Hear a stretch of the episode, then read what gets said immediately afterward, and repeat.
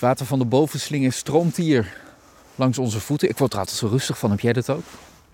Ja, je wordt inderdaad rustig van. En gelukkig eh, stroomt hij weer. Want we hebben vorig jaar natuurlijk weer een droge zomer gehad. En er stond er toch maar heel weinig water weer. Een aantal beken zijn ook droog gevallen. Nou, hier zit uh, naast dat we het nu over bijzondere soorten bomen hebben. In die beken zitten ook hele bijzondere soorten vissen. Ik denk altijd meteen beekprik, donderpad. Nou, dat zijn twee soorten die dus hier in die, in die beken nog, uh, nog voorkomen. Dus die warme zomers die zijn voor die soorten ook uh, desastreus. Um, hij is nog niet zo lang geleden, we hebben best wat regen gehad, gelukkig. Uh, afgelopen weken. Gelukkig hebben we nu dan ook een hele mooie zonnige dag. Hij is wel buiten zijn oevers getreden en dat kun je ook wel een beetje zien. En in de aanloop zeg maar, zie je zo'n sliplaagje. En dat heeft hij eigenlijk altijd gedaan. Dus dat is het mooie van, het, van de bekerstelsel hier in Winterswijk. Ze, zijn nog, uh, ze lopen al meanderen door het gebied. Precies, het meandert nog. Het is mooi bochtig. Het is niet recht getrokken in de loop der tijden. Wat natuurlijk veel gebeurd is bij, bij andere beken. Precies. En dat heb je hier dus op heel veel plekken nog. En dat is wel een belangrijk kenmerk, vind ik, van het Winterswijkse landschap.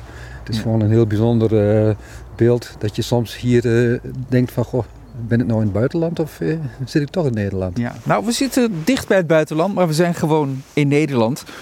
In het kader wie het kleine niet eert.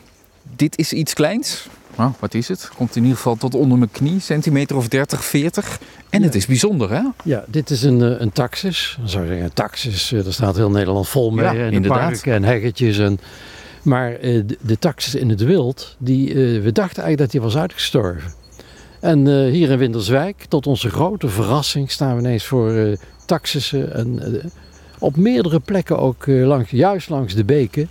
En dat, dat geldt niet alleen voor de taxis, maar we hebben weer ook ipensoorten waarvan we dachten, hé, hey, die, die, die, die, staat hier toch niet, maar hij staat er wel. En um, ook meidoornsoorten, rozensoorten.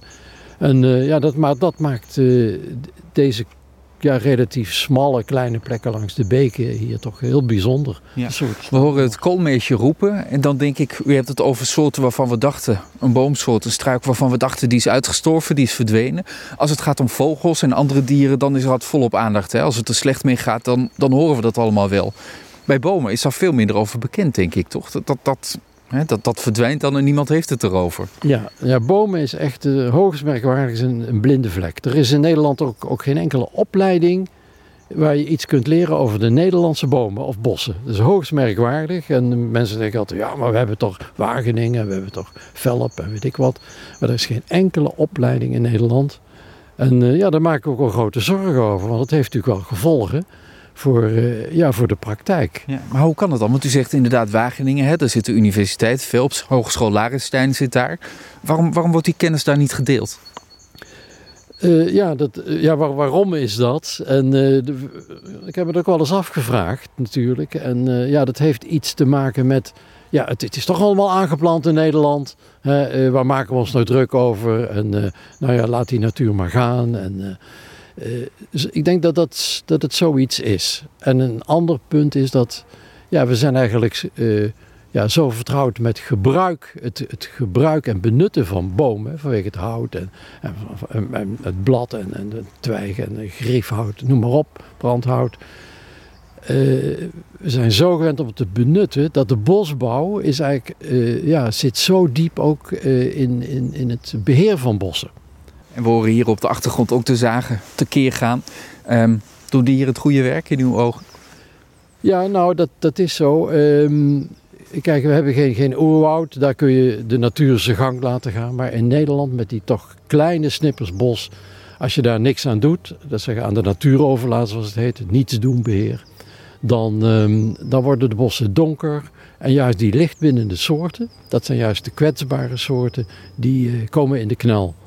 En uh, dat zijn ook vooral de soorten die, uh, die, die nog steeds aan het uitsterven zijn. Ja, en dus moet je exoten soms verwijderen om um, de inheemse bomen en plantensoorten maar weer een kans te geven?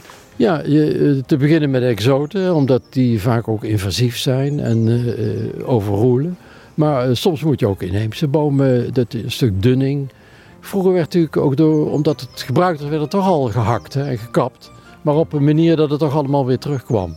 En ja, we proberen hier nu met dit voorbeeldproject, daar ben ik er erg blij mee, dat, uh, dat is kijken hoe, hoe kunnen we het anders doen en daarvan leren uh, en, en, hopelijk het beter doen. En misschien komt er wel een leerstoel in Wageningen binnenkort.